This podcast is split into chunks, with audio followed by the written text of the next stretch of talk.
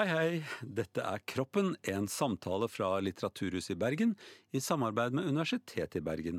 I dag snakker jeg med kiropraktor Steinar Forshei om vondt i ryggen. Vi skal uh, snakke om uh, Jeg pleier å bevege meg sånn innenfor det jeg er trygg på, altså medisin at large. Der kan jeg liksom jukse meg til, og har juksa meg til ganske mye gjennom et langt liv. Uh, men nå skal vi inn på et annet område. Jeg har vært så heldig å få lirket med meg, som de sier, en kiropraktor eh, som heter Steinar Forsheim. Tusen takk og velkommen. Vi, akkurat sånn som på talkshow. Vi hilser på hverandre som vi aldri har sett hverandre. Og så, og så ser det så nytt og fresht ut, liksom. Eh, Steinar, vi hadde jo en liten prat først fordi at eh, jeg vil jo liksom ringe deg litt inn når det gjelder hva du kan og ikke jeg kan. Sånn jeg, jeg, tror jeg fortalte deg også at jeg kunne absolutt ingenting om kiropraktikk da jeg ble lege. Jeg hadde bare hørt at det var noe farebannet sludder. Eh, sammen med alt mulig annet som var bare tull og tøys som fantes utenfor medisinsk gjerde. Eh, så da jeg var eh, i eh, distrikt, så traff jeg en fryktelig hyggelig kiropraktor. Og så sa jeg til han kan ikke du bare gjøre et eller annet med meg, så jeg skjønner hva det er. Og så sa han ja, hva, har, er det noe vondt da, noen steder? Så sa jeg nei, men kan du ikke bare gjøre det du gjør? Så han, eh, han kjente på meg, og beveget litt på meg, og sånt, som kiropraktor gjør på en veldig hyggelig måte. Og så la han meg opp, og så, så knikket han på ryggen min og la meg først i et sted, en stilling som ligner på, på slakt. Eh, eh, en blanding av slakt og fosterstilling. Og så ble han en slags mor som vippet og vinket, vim, vimset rundt med kroppen min. Og så knirket det et par steder på en slags gøyalt knikk. Og så begynte jeg å le, for jeg syntes det var ganske gøy. Og så sa han sånn, nå er det fint. Det har vært bra siden. Ja, og jeg har, har, siden det har jeg alltid likt kiropraktorer. Så jeg har det veldig fint med kiropraktorer. Og nå etter hvert så har jo også medisin det. Det var liksom hovedpoenget i den starten her. Eh, har du som er kiropraktor, har du det greit med oss medisinere? Ja, stort sett så har vi det. Ja, så, så Jeg likte ikke 'stort sett', merker jeg. Men, eh, ja. jo, det finnes jo unntak der, men som hovedregel så ja. har vi veldig greit forhold og har for hatt det i alle de årene hvor jeg har jobba. Ja, så vi er blitt medisinere er blitt greiere med å se på kiropraktor som en som kan hjelpe oss på samme måte som vi prøver? Bildet er nok eh, som politikerne sin litt nyansert der, ja. men, eh, men eh, i hovedregel så vil jeg si at det er relativt bra. Det er sånne svar jeg alltid får fra min kone også. eh, hvis For at, som lege så har vi jo ganske etter min mening litt sånn dårlig rutine på vondt i ryggen-ting. sånn akutt vondt i ryggen, da pleier vi historisk sett å legge folk fullstendig ned, helt stille i 14 dager, og dope dem ned, og så håpe at det gikk bra. Eh, nå sa jeg historisk at jeg vet at det er ikke det leger driver med nå, men det, det er ikke langt unna. Eh, mm. altså Det å kjøre på med medisiner og muskelrelaksjon er jo liksom en del av pakka. Men eh, hvis man eh, Og dette ville vært en sånn som ellers har det greit, men som får vondt i ryggen. Sånn som jeg også har hatt. Det ville jeg i dag ha gått med kiropraktor til ting Altså til eh, Hvis man har vondt i ryggen og ellers er frisk, så etter min mening burde man gå til kiropraktor. For de aller fleste, med, i hvert fall med en akutt vond rygg, så, og da ellers er frisk Det fins unntak der, men for de så vil det være nyttig å få veiledning, undersøkelse og kanskje behandling hos en mm. kiropraktor. Hvis vi tar det sånn litt systematisk, skal vi begynne med rygg, rygg i gåseøyne, eh, som da mm. er egentlig det som de kalte på Møre eh, på vækjeryggen, altså den mm. ve veike delen av ryggen, altså korsryggen. Skal vi ta Det der, for det er det som det er lettest for folk å bli med på det bildet. 'Jeg har så vondt i ryggen.' 'Å, det har fått et kink.' Eller 'Å, det er hekseskudd.' Eller et eller annet. Mm. Eh, hvis man ellers er frisk og går til en kiropraktor med dette her Jeg har selv krabbet til en kiropraktor med sånn vond rygg eh, og kom gående fint ut igjen. Eh, hva, kan du fortelle folk hva du gjør da? Bare, bare si hvordan det er. Man må ta seg litt på overkroppen. Det er jo da en veldig, veldig god begynnelse. Eh, da antar vi at det er en person som kommer inn og er frisk. Så må vi jo forsøke å sortere litt hva som har skjedd, om det er en ulykke eller det er bare en som, har, som skulle bare. Det er jo veldig mange av de vi får. Som bare skal? De bare skal. Hva er det de har bare skullet da? Er det sånn Nei, det kan være sånn typisk siste muttere på dekkskift. Altså Det kommer et rush hver gang det skal være sånn sommerdekk på vinterdekk. Da er Ja. alltid siste mutter. Ok. Det er en typisk, og så kan det være hekken som skulle klippes i skulderbare, og så står man litt lang, litt foroverbeid, litt, gjerne litt vrind, og så får de et kink Ja. som er vondt. Alle kan leve seg inn i det der. En, en litt tung kasse eller stein og, som man trodde skulle gå bra, og så går det ikke så veldig bra. Eh, og så kommer den inn til deg. Du har Ja. sjekket dette her, ellers frisk. eh, bare for å ta bort alt det som kan være skummelt. Og så Hva gjør du da? Tatt av meg på overkroppen, og så Altså Man tar vekk de tingene som om det er nerver i klem, eller om det er sånne ting. Eh, og så typisk så Etter at man har luka vekk, som du sier, så vil man kjenne på muskler og ledd. Kjenne etter bevegelighet, eh, bevegelsesutslag. eh, lokalisere områder som gjør vondt og ikke vondt. Ja. Eh, og Hvis man ender opp med at man skal bruke disse typiske grepene som kiropraktorer ofte bruker, så, så vil man gjøre det mm. på ulikt vis. Man kan, eh, som du beskrev så greit innledningsvis, så kan man gjøre det på den måten. Mm. men det finnes mange varianter over det temaet. Men, men typisk så posisjonerer vi folk på en benk på bestemte måter og gir eh, en lite trykk. Et lite trykk. De fleste blir overraska over hvor, hvor eh, lett vi egentlig er på labben. Ja. Det virker mer voldsomt, særlig hvis man ser på dette her. Men for de som, som er på benken, så, så er det sjelden de opplever det som, eh, som voldsomt. Jeg vet ikke om du opplever det Nei, jeg opplevde det ikke, ikke så spesielt voldsomt, men, eh, men, og opplever det ikke som voldsomt når jeg går til kiropraktor, men, men man blir jo vant til å skulle krølles sammen på en spesiell måte, og, og så får man et eller annet en eller annen bevegelse man ikke klarer å, å motstå. Mm. For det er vel hele poenget at det skal isoleres og, og holdes noe annet på plass, sånn at ikke alt rører seg samtidig. Ideelt sett så bør man være så presis som overhodet mulig. Ja. Uh, altså, jo mer presis man kan være, jo mindre belastning blir det for den som blir behandla. Så én ting til, og da tenker jeg på at det sier ofte et eller annet type knikk. Eller når det sier et knikk, så har man i hvert fall følelse av at å ja, nå ble det i hvert fall et knikk, og da har det skjedd et eller annet. Man, det høres ut som et eller annet, og det høres litt sånn kjøttaktig, og så, og så, eh, og så har man følelse av at ja, nå, nå, nå skjedde sikkert det som skal skje. Hva er det som skjer eh, der inne i kroppen når det sier et sånt eh, knikk? Selve det klikket er jo rett og slett at eh, leddflater går litt fra hverandre. Når de går fra hverandre, så, så synker trykket, og da blir det dannelse av gassbobler i leddet. Så disse gassboblene de sprekker like fort igjen. Og det er den, at det blir dannet bobler som gjør at altså det kommer dette typiske klikket, altså en kavitasjonslyd. Men det er ikke lyden primært som er hensikten, men det er ofte en mange identifiserer effekten med at det kommer denne lyden, men det Ja, for det blir sånn man trekker i fingeren, og så sier det knikk. samme fenomen. Og det er også tatt røntgenbilder av fingre når man drar i de. Da får man disse små boblene. Ja. Så det, det er det som skjer inni leddet, eller mellom leddene. Eh, hva er det, eller inni leddet må det vel nesten bli da. Hva er det som skjer i, i musklene rundt? Ja, Når det gjelder selve- mekanismen, så er det jo mange tanker rundt det. Eh, før var alt mye enklere. Da trodde man jo at man hadde en virvel som sto på halv åtte, og som man da dytta på plass, og ting, var, kom, ting kom på stell på den måten. Man trodde også at det var muskelkramper primært. At ting var en krampe, og man fikk den til å slippe taket. Det er nok litt av det.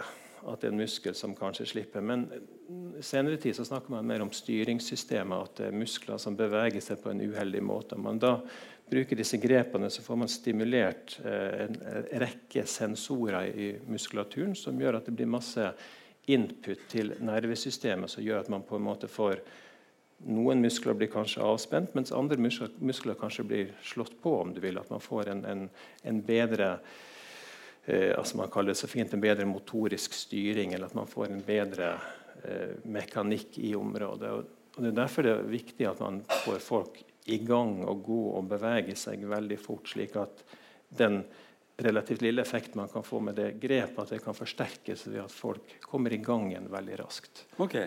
Eh, gå og danse eller gjøre hva de måtte foretrekke. Ja, sånn at det å, Når man har vært hos kiropraktor, skal man ikke sette seg ned igjen. Da skal man holde seg i bevegelse?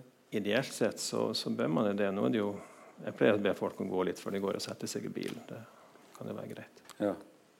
Så er det jo den diskusjonen med disse veldig akutte og dette med sengeleie, som du nevnte, at det var folk å ligge 14 dager. Det ble nok gjort i perioder tidligere, men det vi ser nå, det er at uh, hvis man har veldig vondt, så gjør, man gjør ikke noe galt om man strekker ut noen timer eller en dag. Hvis det, mange som kommer til oss, de er jo veldig dårlige.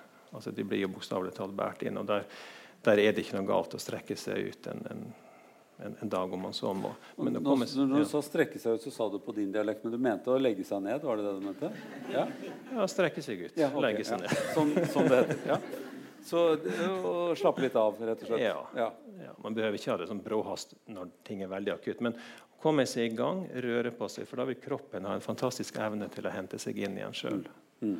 Eh, jeg pleier ofte med folk å gå hjem og danse salsa. De ser jo litt rart på meg, men ja. Men det er med på å få i gang bekkenbevegelse. Magedans for de som vet ikke hvordan du er i magedans. Men, men, det kan være bra for å få i gang. Jeg er veldig dårlig både salsa og magedans. okay. ja. men, det... ja. men, uh, men, det der å bevege på seg generelt er jo veldig bra for, for, ryggen hvis man har såkalt vond rygg eller er lett for å få vondt i ryggen. Det, det, å holde seg i bevegelse. Nå eh, sitter jo veldig mange folk ganske stille på jobben sin.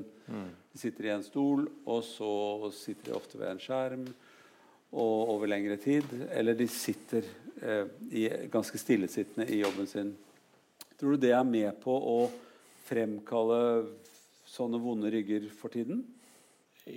Det er jo det det står overalt, og da må det vel sikkert være noe i det det som jeg har sett mer i løpet av alle disse årene, er jo det at eh, jeg tror mer nakke, skulder, hodepine, den type ting eh, setter seg mer i, i den regionen.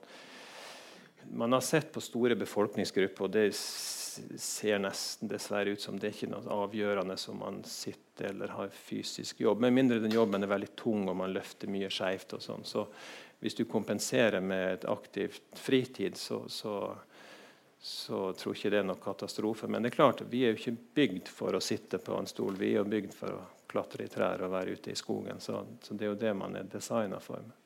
Men det er jo ikke så enkelt å få det til hele tiden. Så.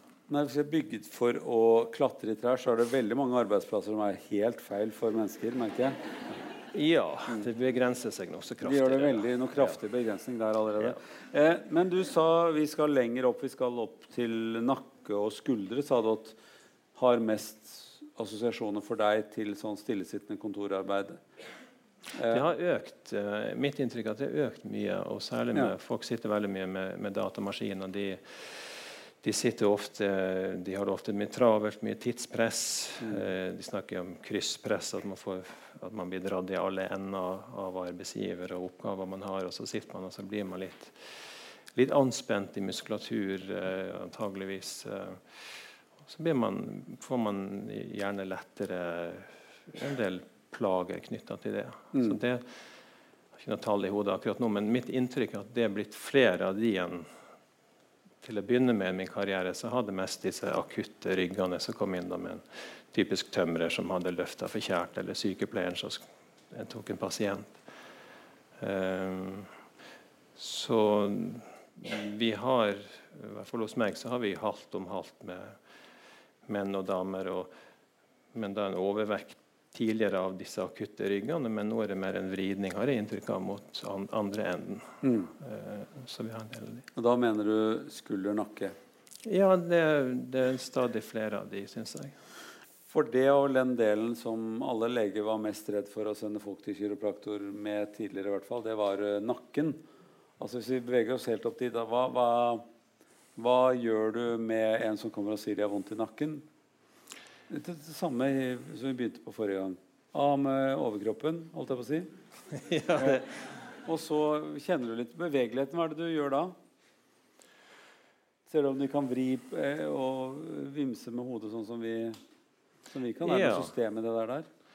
Ja, altså Da forutsetter jo at man da har vært, tatt vekk de tingene som er potensielt farlige, som kan komme inn. da, men med, Hvis vi står igjen med en som da er utgangspunktet frisk og har vondt, så er det jo har man sjekk og bevegelse, både med å bøye hodet i ulike retninger for å sjekke det. Og, og så pleier vi også å sjekke med, veldig lokalt med fingrene, hvor vi kjenner veldig nøyaktig på disse enkelte leddene hvordan de beveger seg. Mm. Så vil man da legge opp behandling etter det. og det kan være Noen ganger så kan det være at man ender opp bare i øvelser. Mm. Eh, hvis det er svært akutt, så er det ikke alltid man kan få gjort så veldig mye med selve nakken. Da behandler man man bruker ulike muskelteknikker for å få muskulaturen til å, å slappe av. Og, eh, for de har ofte så vondt at bare, altså, det er utenkelig å, berøre nakken. Da kan man bruke mer sånne indirekte metoder. Uh, så det uh, Ja. For meg er dette Du er så profesjonell at du bare hopper inn i det med en gang. Men hva er det du, er det du faktisk gjør når du sier at du kjenner på Er det, er det musklene? Er det stramminger og bevegelighet? Er det, er det spesielle muskler du kjenner etter om, om, om, om er stramme? Eller altså, hvor er overgangen her til, til det, nei, til, til det fysioterapeuten driver med? Hva er, du, hva er, det du, kan som ikke fysioterapeuten kan? Eh, ja, nei, det, altså, det, blir jo et veldig stort spørsmål. Eh, ja, nå tenkte jeg ikke utenfor kiropraktikk. Jeg tenkte, jeg tenkte bare når det gjelder kiropraktikk. Ja. Mm. Eh, jeg tror jeg skal svare for, for meg sjøl hva jeg gjør. og altså det spesifikke, det helt spesielle, det som vi kanskje har som et, en, en, en, mer reindyrka enn kanskje andre bransjer, det er den helt spesifikke undersøkelsen ved at man bruker fingertuppene veldig nøyaktig og sjekker mm. ledd for ledd. Hvert ledd har jo anledning til å bevege seg i mange ulike retninger. Og, eh, og det kreves trening. og um, det, Hvis man ikke har den treninga og den opplæringa i det, så blir det litt sånn som når jeg prøver å spille piano. altså Det, det er ikke vakkert. Mm. Eh, men det skal gå an å spille Grieg Samuel-konsert. Jeg har sett det gjort, men, det, men jeg får det ikke til. Nei. Og det er litt det samme med, med, med denne palpasjonen, som vi kaller det. Og den må være nøyaktig. og man, Hvis man da velger å behandle, så må det da være retta spesifikt mot det lille området man vil behandle. Mm. Og det gjøres med et lite, et lite utslag og, med så lite ubehag for pasienten som mulig. Ja. Så du, du, rører ikke på så veldig mye når du først rører på noen ting? Nei, altså Den bevegelsen man gjør ved vanlige hverdagslige aktiviteter, det å rygge bil og det å se i taket, det, er jo eh, en større belastning for strukturer i nakken enn den, beve den bevegelsen vi utsetter nakke for når vi behandler på, på, riktig måte. Så det er ganske lite du manipulerer, og det er ganske små utslag? Ja. Det, det er, så det er, det er noe, man bør ikke gå og være redd for om de skal rive hele hodet av? liksom. For jeg tror det er sånne, sånne ting bilder ja. folk har. Jeg legger meg ned på benken, og så voff, så er, får jeg aldri hodet i den stillingen jeg hadde igjen. Ja. ja. altså det er klart På film så er det jo mye som blir gjort, men, men i, i, i, praksis er det jo ikke det. da. Mm. Altså Man vektlegger at det skal være lite utslag. og igjen Den belastninga som man, som man utsetter seg sjøl for i dagliglivet, den er blitt målt og er større belastning for, for kar i nakken, mm. blodkar og sånne ting, enn den belastning man utsetter eh, nakken for ved en, utfør, en riktig utført kiropraktorbehandling. Ja, og, og eh, en, en, ting at du kan manipulere et eller annet med såkalt vondt i ryggen, altså korsryggen, eh, hvor folk kan ganske fort få en følelse av at det der, der gikk over. Og hele poenget er jo da at du skal få i gang si, ryggen igjen eh, og få smertene vekk på den måten. Når, du, når, vi, når vi snakker om nakke og sånt nå, så er jo også poenget å få bort noen som har vondt i nakken eller vondt i nakkeskuldre. Mm. Eh, men, eh, men, noen kommer jo til kiropraktor fordi de har vondt i hodet eller er svimle eller syns de er stramme i nakke og, og, og, og skulderblader og sånt noe. Eh, hva er det folk for det meste kommer med av plager fra nakkerygg? Er det, er det denne stramheten, eller er det, er det like mye hodepine og sånne ting? Um, nei, det er ofte smerte, men også um, hodepine ser vi en del av. Mm. Uh, vi har et begrep som snakker om nakkebetinga hodepine. Mm. Uh, det ser vi en del av. Uh, majoriteten vil jeg anta er, er rene smerter. altså De har vondt når de snur hodet. eller altså Det er rent bevegelse at det gjør vondt. Jeg har sjøl en del som kommer med svimmelhet. Eh, svimmelhet jo, kan jo være både nakkebetinget og det kan også være balanseorganet, altså disse krystallene som vi behandler en del av. Mm. Eh, så smerte, hodepine, svimmelhet er de, de vanligste. Eh, noen kommer jo med vondt nedover i armen, og sånn, og da må man jo eh, se til at de ikke har eh, nerver som er i klem og krever andre typer tiltak. Men mm. majoriteten er nok smerter. Ja. Mm. Så det er, det er, smerte og svimmelhet og hodepine. Alt det der er innenfor det man kan gå til kiropraktor på. Og da gjør du selvfølgelig utelukker du ting som absolutt burde vært hos lege isteden. Det er jo en del av jobben din går ut fra? Det er en svært viktig del av jobben, og det er kanskje den, en, en, av de vanskeligste oppgavene man har, å skille de som kommer inn med potensielt alvorlige ting. Eh, så det er en utfordring hver dag.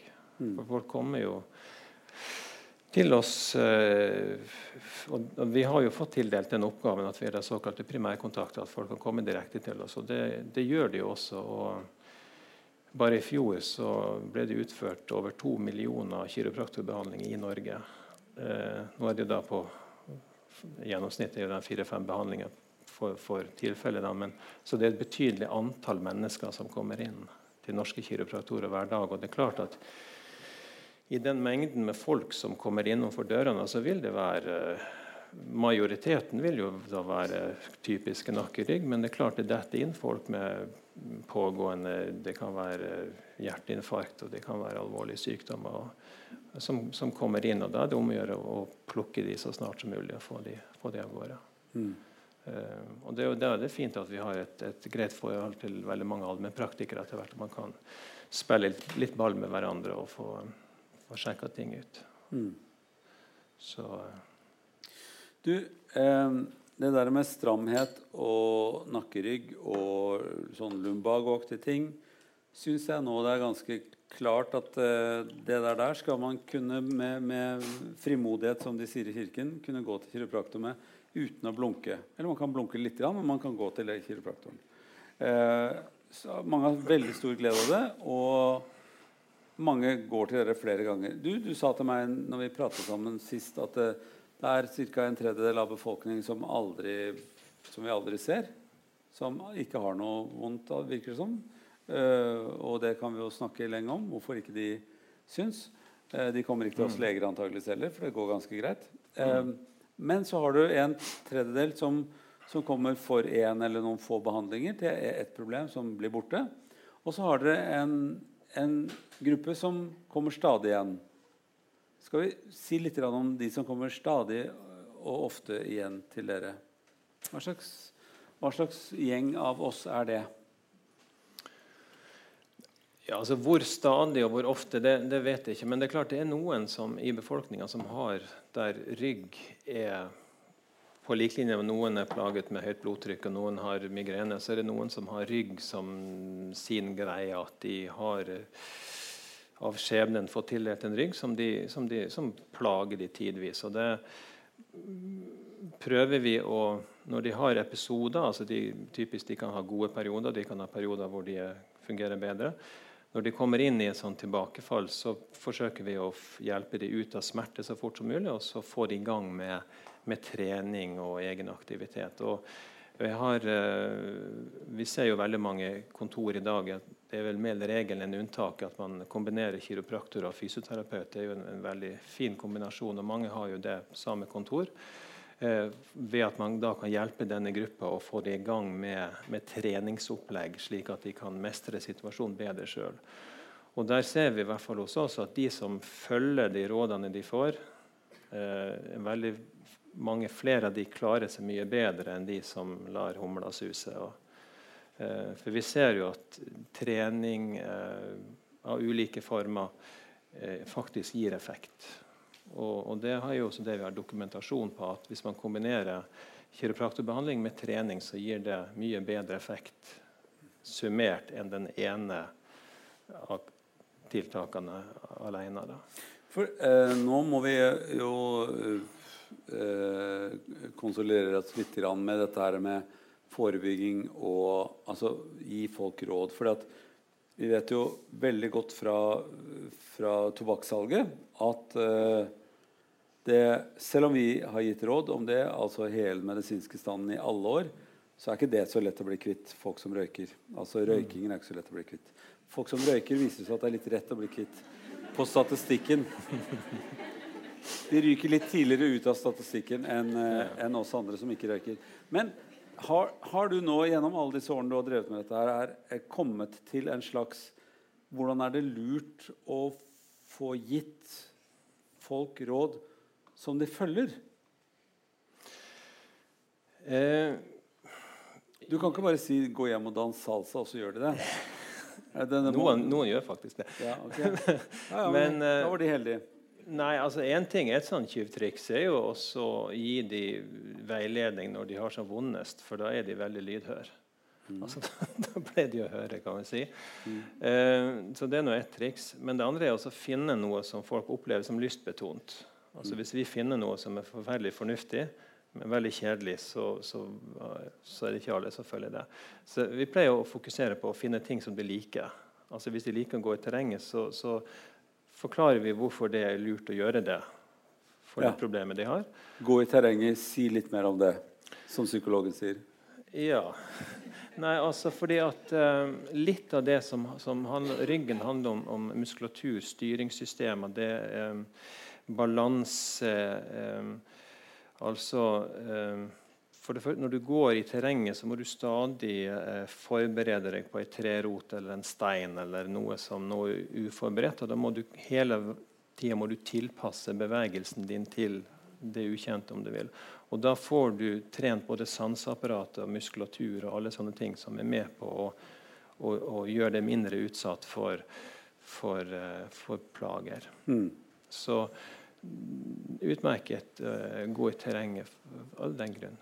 Så, så er, dette høres bak dette resonnementet ditt så høres det ut som stimulering eh, er en viktig ting. Det å stimulere kroppen og ryggen til ulike typer bevegelser. Eh, Istedenfor å sitte eller ligge i samme posisjon. Altså røre seg. Er det så enkelt? Ja, det, det, er som de sier, det er så enkelt og så vanskelig. Og det, jeg er veldig glad for at du sa akkurat det. Jeg hadde håpet at det skulle være svaret. For det, betyr jo at folk kan være mye mer oppfinnsomme. De bør ikke si 'Å, den øvelsen får ikke jeg til. Jeg må ligge som en hund og bjeffe av det ene benet opp.' og sånt. Det sa fysioterapeuten. Og så tenkte jeg det var da en kjempekjedelig ting å gjøre. Jeg får det ikke til heller. Jeg gjør det én gang, så er vi ferdig med det. Da gidder jo ikke folk å gjøre det igjen. Men de kan være mer oppfinnsomme selv på å lage oppgaver til seg selv. Altså bevege seg i naturlige steder. Altså gjøre Gå i trapper, småløpe litt, gå i terreng, som du sier. Altså det å, det å bevege seg annerledes enn man, enn man, gjør til vanlig. Eh, det å finne på noe som man syns er gøy. Padle, eller kanskje andre ting som man ikke hadde tenkt å gjøre, som skulle være bra for en. Ja. Vi, kan, man, kan man begynne selv uten at kiropraktoren sa det? Det vil helst gå veldig bra å begynne selv uten at vi sier det. Ja. Ja. Og mange gjør jo det, faktisk. Ja. Du foreslår salsa, men du har også foreslått magedans. har hørt her nå. Eh, det å gå på line, f.eks., er det en ting? Kan man utfordre gelendere? Er det jeg vil anta det bare helt utmerket. Jeg kan, Gå bakover i trapper? Ja, vi har, kan lage sånn uh, kollokvie her. jeg, ser noen, noen sketsjer komme nå. ja, noen øvelser, noen nye øvelser. Uh, så ja. Det viktigste i denne samtalen er jo da at folk må bevege seg. Eh, og kanskje på, på, andre måter enn de har for vane. Fordi at det er den vanen de har antagelig som gjør at de gjentar seg. Ja, og en ting knyttet til, altså De fleste eller veldig mange går jo en søndagstur. og Disse tingene er jo relativt opplagt. Men der det ikke er så innlysende, det er jo i den fasen hvor man har, er i en ryggepisode hvor man har vondt, og, og det liksom alle instinkter sier 'sofa, sofa', mm. eh, så kan jeg si ok, sofa i en dag, men etter det så må du begynne å lirke og lure og komme deg litt i gang. Om det ikke er annet å røre på ene beinet, så må du komme deg i gang. For i det da det er, det er litt sånn altså, Instinktene sier 'flat ut', men, men, man må prøve å røre på seg jo før jo heller, for da vil kroppen kunne hente seg inn og man kommer seg raskere i gang igjen. Man skal ikke gå berserk, men man skal heller ikke begynne med for mye trening når man har, er i en akutt episode. For der viser erfaring og også retningslinjer det at trene, man kan veilede om folk og kongen er i gang, og sånn, men det å begynne med veldig mye spesifikk trening, det, da må ting roe seg litt ned før det gir noe særlig mening. Ok, Men hvor redd skal man være for smerter? Altså disse, disse akutte smertene. Da tenker man jo å, nå er ryggen gått helt i stykker. Ja. Nå, hvis jeg rører på meg feil nå, så brekker hele Da detter den fra hverandre som en slags stabel med koteletter. Det er sånn, sånn for er, man tenker at dette, dette, fungerer jo ikke i det hele tatt, dette ryggpartiet her. Det skjer jo ikke så veldig ofte, akkurat det du beskrev der. Nei. Eh, nei, altså Man sier det at smerte altså det, Skal vi ikke snakke engelsk her, men altså, 'pain does not mean hurt'. Altså, det, altså, om det gjør vondt, så går ikke ting i stykker. Mm. Eh, men jeg må alltid passe meg litt for hva jeg sier med folk som er på kontoret. For jeg har hele spekteret fra de rene sadomasochister til de som er veldig veldig forsiktige. Og hvis jeg sier til en, en som er, har anlegg for å ta det helt ut, så gjør de det. Mm. Og det går sjelden bra. Ja. Så, sånn at man alltid hører litt hva de holder på med, og hva slags aktiviteter, slik at det ikke det går helt av skaftet. Mm. Så innenfor normale rammer så mm. skal man be folk å ja. Bevege seg. Ja. Eh, og smerte er ikke nødvendigvis eh, farlig. Det gjør jo litt vondt å gå seg i gang også. Hvis man har, har eh, vondt i ryggen om morgenen, eh, og man vet ikke helt hva det er kommet av, eh, det var ikke så lett å komme opp, så går det faktisk an å gå det til mot smertegrenser på en eller annen måte? Jeg vet ikke om du har sånne erfaringer?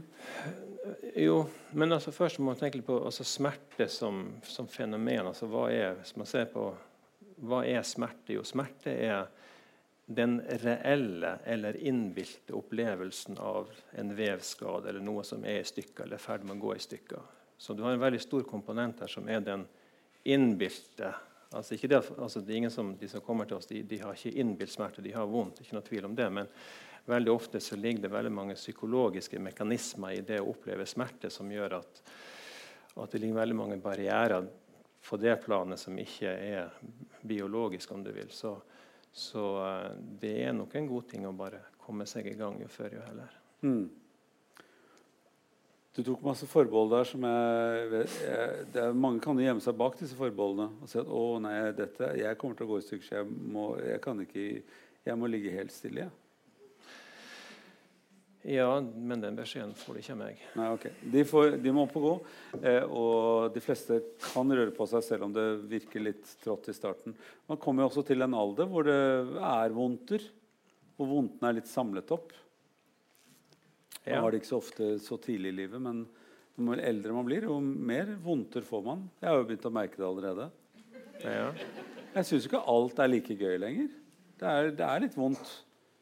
Og hvis man jobber mot den smerten, så, så smører det kommer seg i gang. Altså, det er helt utrolig.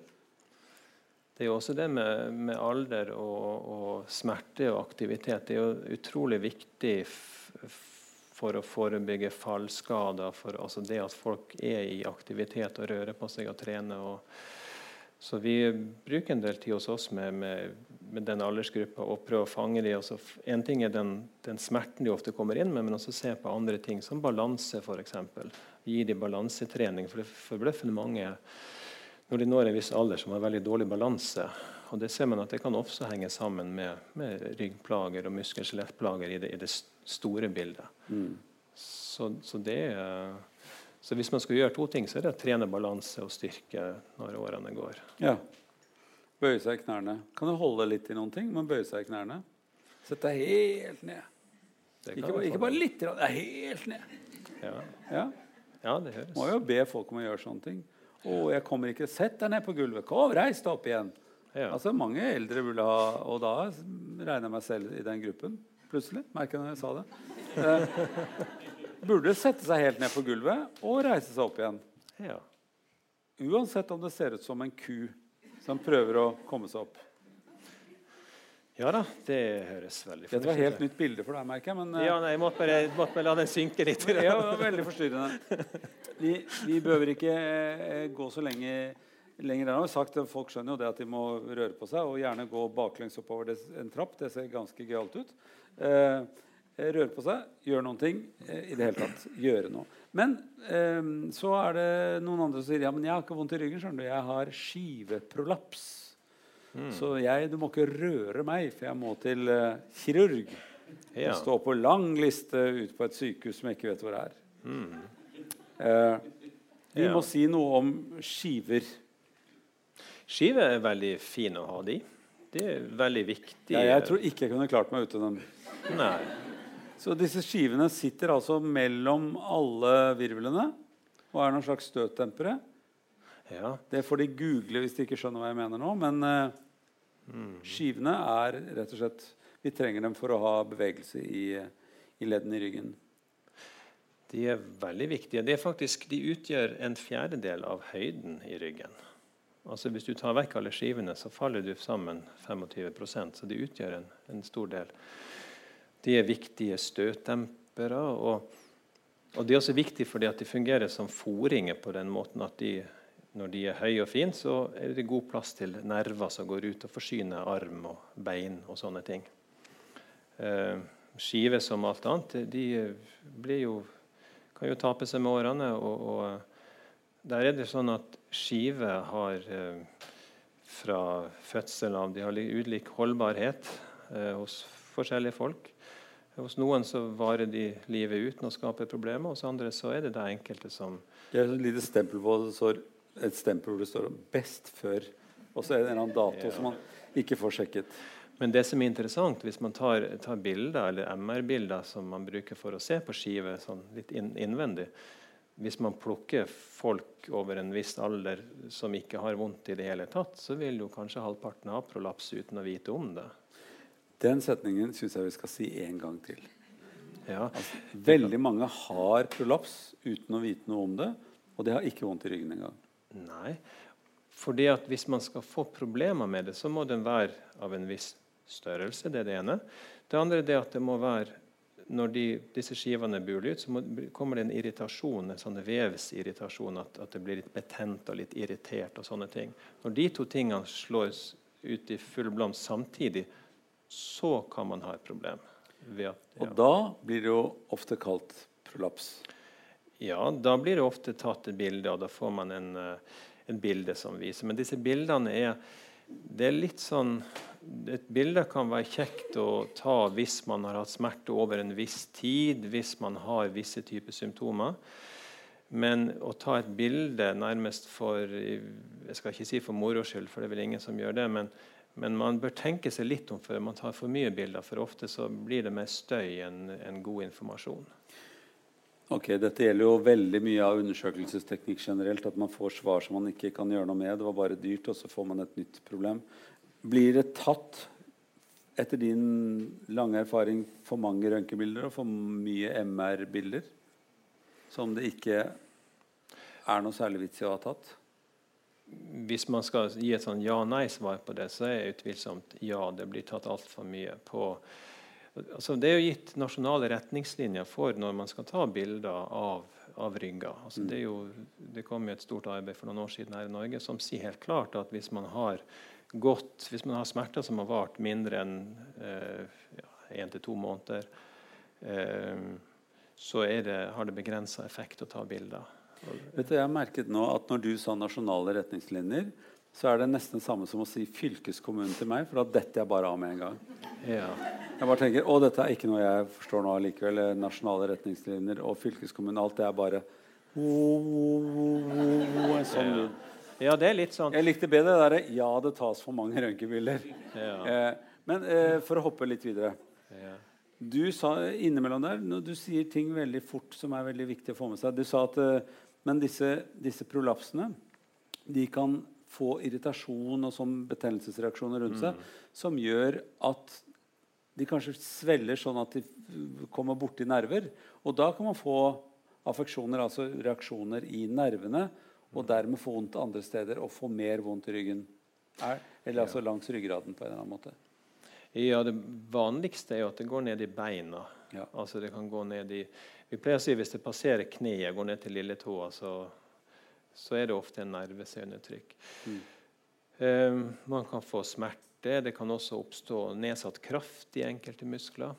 Uh, og det er jo viktig å følge med på. Og hvis, hvis det vedvarer mer enn en ja, par måneders tid, og det ikke blir bedre, og man har svære smerter i foten f.eks., og eller hvis man har lammelser som øker i intensitet, så bør man vurderes for operasjon relativt raskt. Men det er veldig sjelden at det er nødvendig.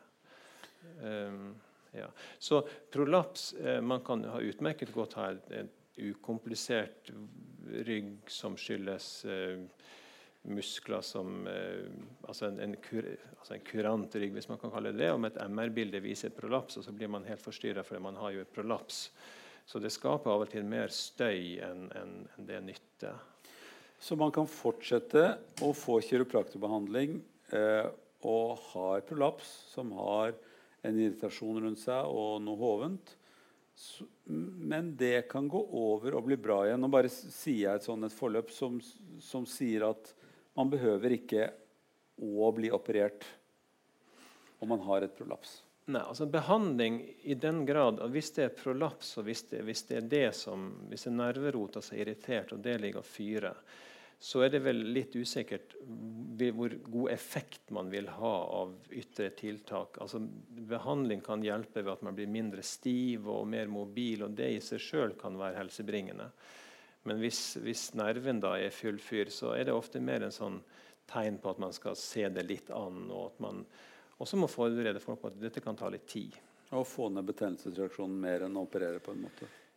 Ja, det er jo noen som eh, altså Noen velger å bruke medikamenter. Det finnes jo et utall av de betennelsesdempende, og noen mener at det er veldig lurt, og noen er jo ikke så veldig tilhenger av det. og Det får vel andre svare for. men øh, det blir nå brukt, i hvert fall. Mm. Uh, så med disse prolapsene så vil jeg vel si at 90% går over av seg sjøl eller med hjelp av litt behandling. Og sånne ting. Og så har du noen få da, som, som, uh, som kan vurderes for operasjon. Men selv da nå skulle vel egentlig kirurger snakke om dette, men men selv da så eh, er det jo veldig ofte så hvis man ser på de som blir operert, og de som ikke blir operert, så etter et års tid så jevner det seg veldig ut. Mm.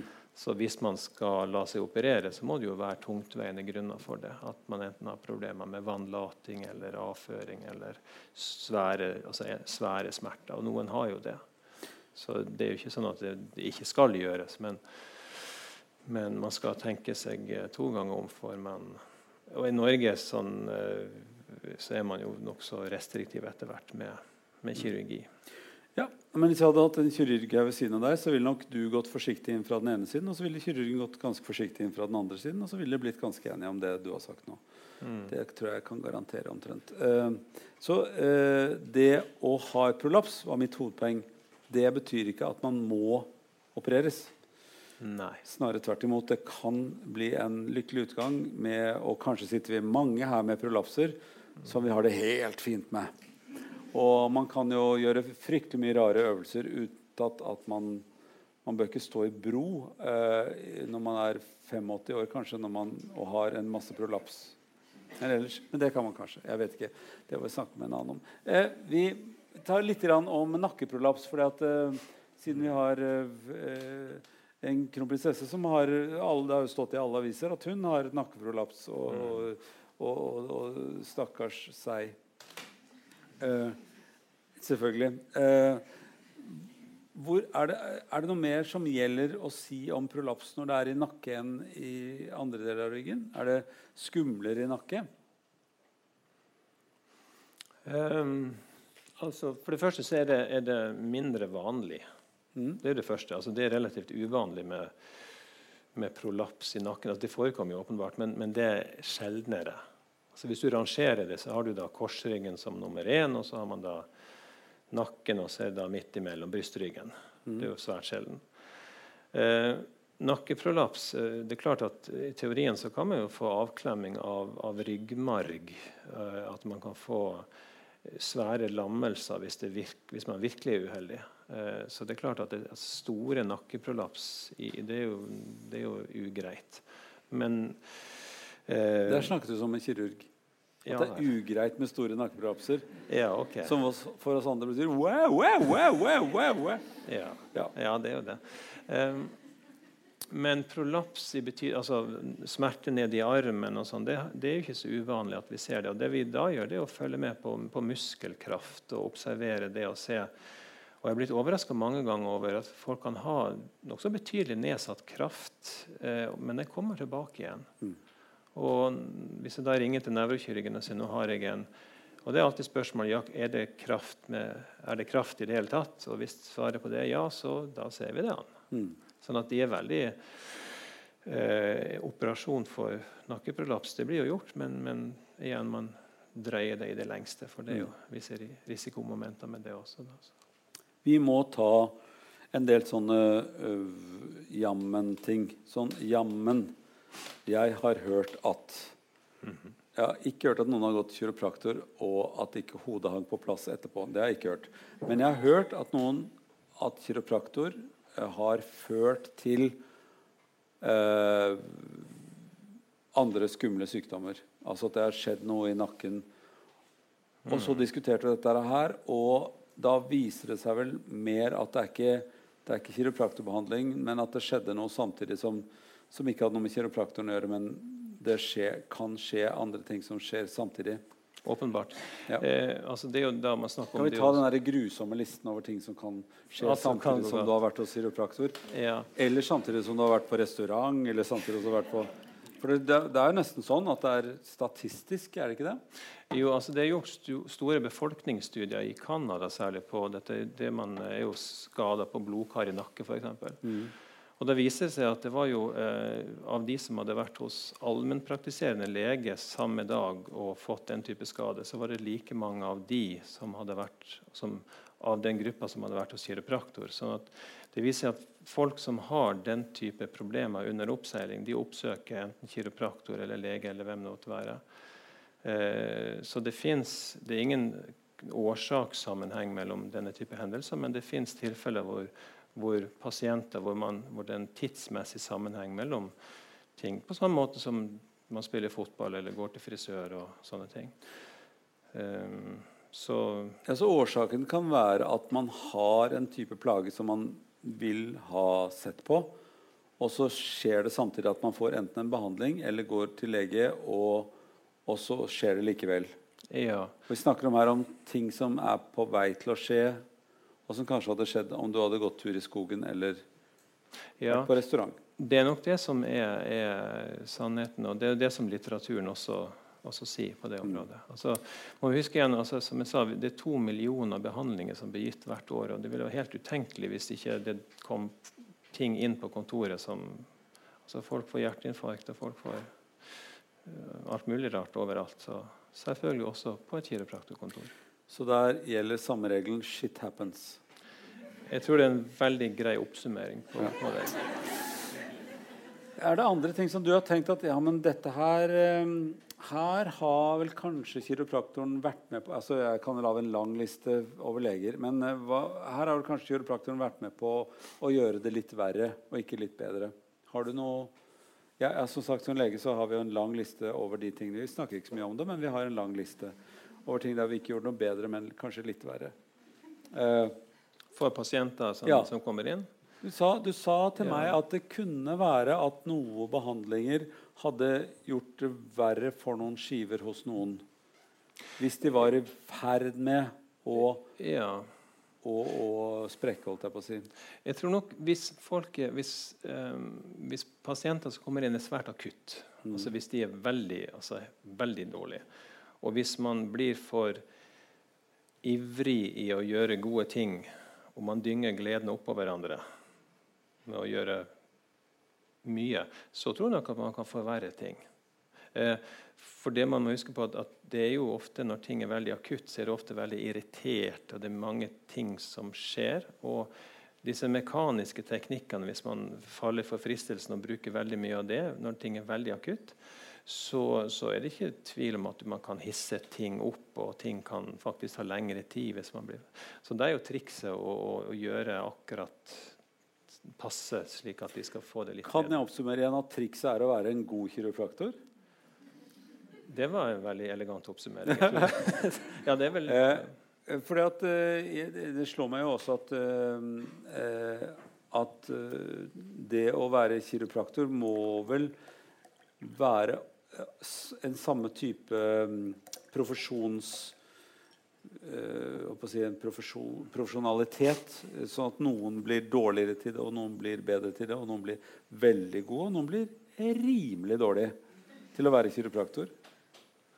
Ja, det vil vel være optimistisk å tro at det er noe annet i vår bransje som i de fleste andre bransjer. Mm. Det er klart det at det, det spesielle i vår bransje er at det er et veldig stort element. Altså, håndverksmessige innslag er jo relativt stort. Altså, selve begrepet kiropraktor betyr jo 'gjort med hender'. Så veldig mye av det vi gjør, er jo, er jo basert på, på, det vi gjør med hender. Og naturlig, når det er sagt, så brukes det mye annet utstyr på kontoret. Både laser og trykkbølger.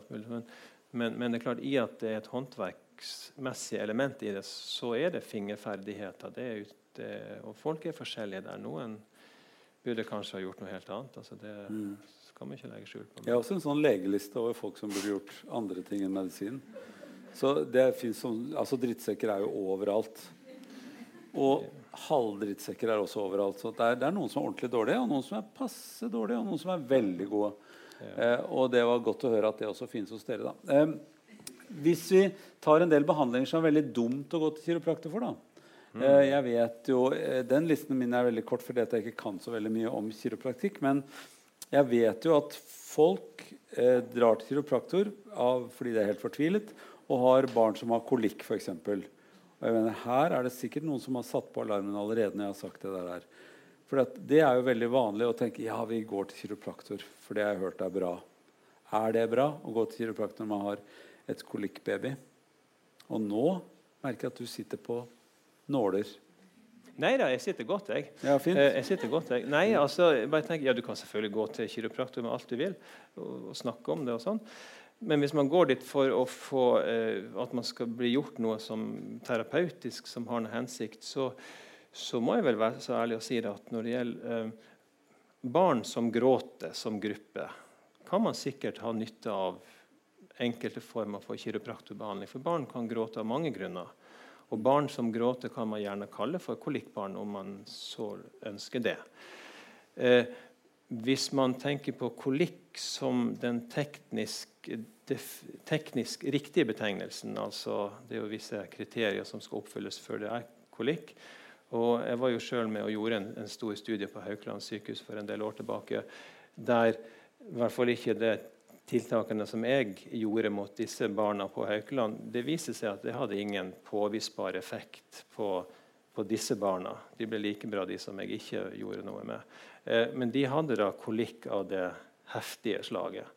Så hvis jeg skal være helt oppriktig på, på det spørsmålet, så vil jeg si at hvis et barn har genuint fullskala kolikk, så kan ikke jeg se hvorfor man skal oppsøke kiropraktor for behandling av det. Det, mm. det er jo også manuell terapeut. Heller ikke dra til øyelege. Nei. Nei. Men da, når, vi, når vi sagt ja. til folk som har kolikkbarn, så er det ikke nødvendig å dra til kiropraktor pga. akkurat kolikken. Nei, det tror ikke jeg. Det tror jeg ikke ville ha sagt. Men barn kan igjen gråte av mange grunner. slik at Man kan gjerne ta turen, men, men, men for genuin kolikk så tror jeg verken kiropraktor eller manuellterapeut er noe sted å være. Er det andre ting som folk går til kiropraktor med, som de kunne latt være? Um, ja, altså det spørs hvor, hvor, eksotisk liste man skal se på. men ja. det er klart... De, Nå det tenker jeg ikke på sånn vi skal kjøpe oss nytt hus, vi drar til kiropraktoren. Ikke, ja. ikke, så galt. Men har du noen sånne medisinske ting som folk har gått til kiropraktor med, som, hvor det var litt dumt?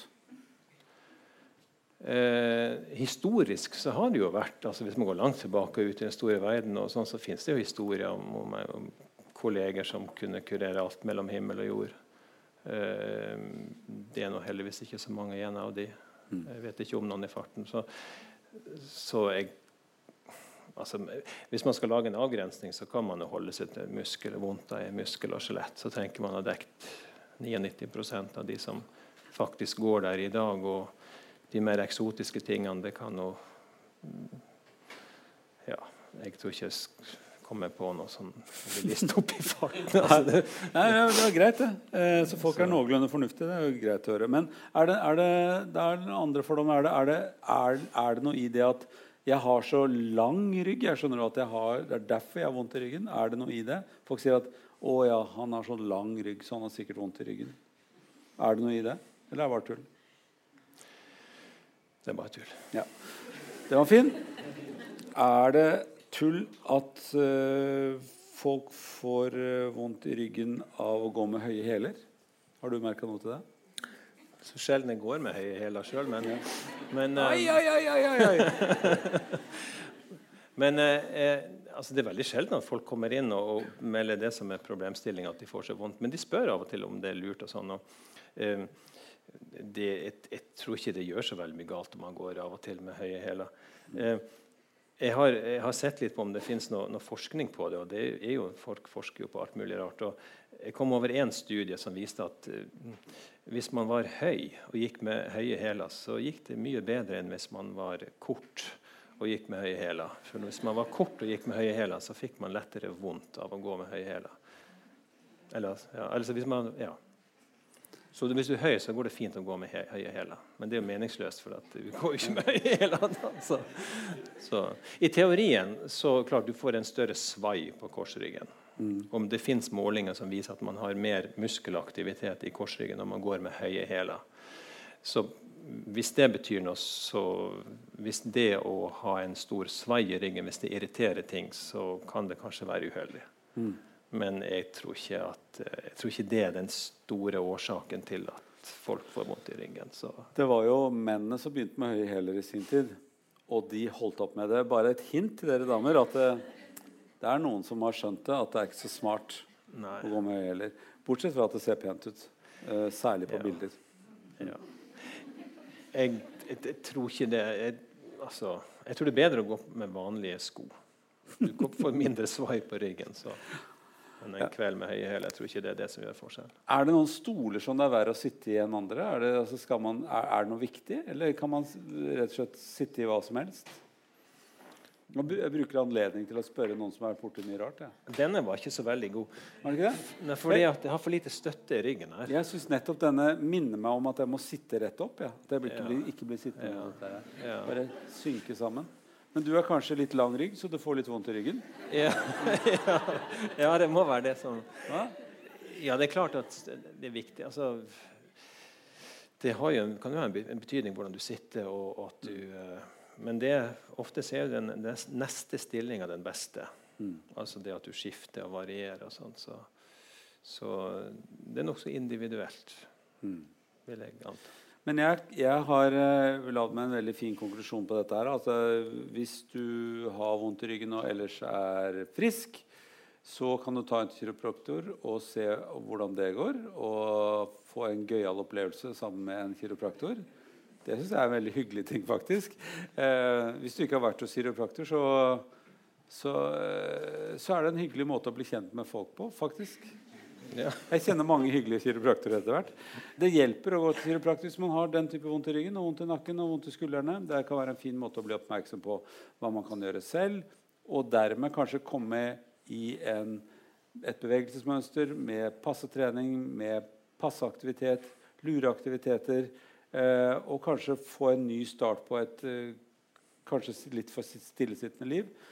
Og så kan man kanskje komme i eh, snakk med noen om at det er et press mellom jobben min og, og sånn jeg har det, at hodet henger sammen med kroppen, og få den store snakken om kroppen. eh, Den kan begynne hos kiropraktoren, som ikke er så farlig som en lege, selvfølgelig.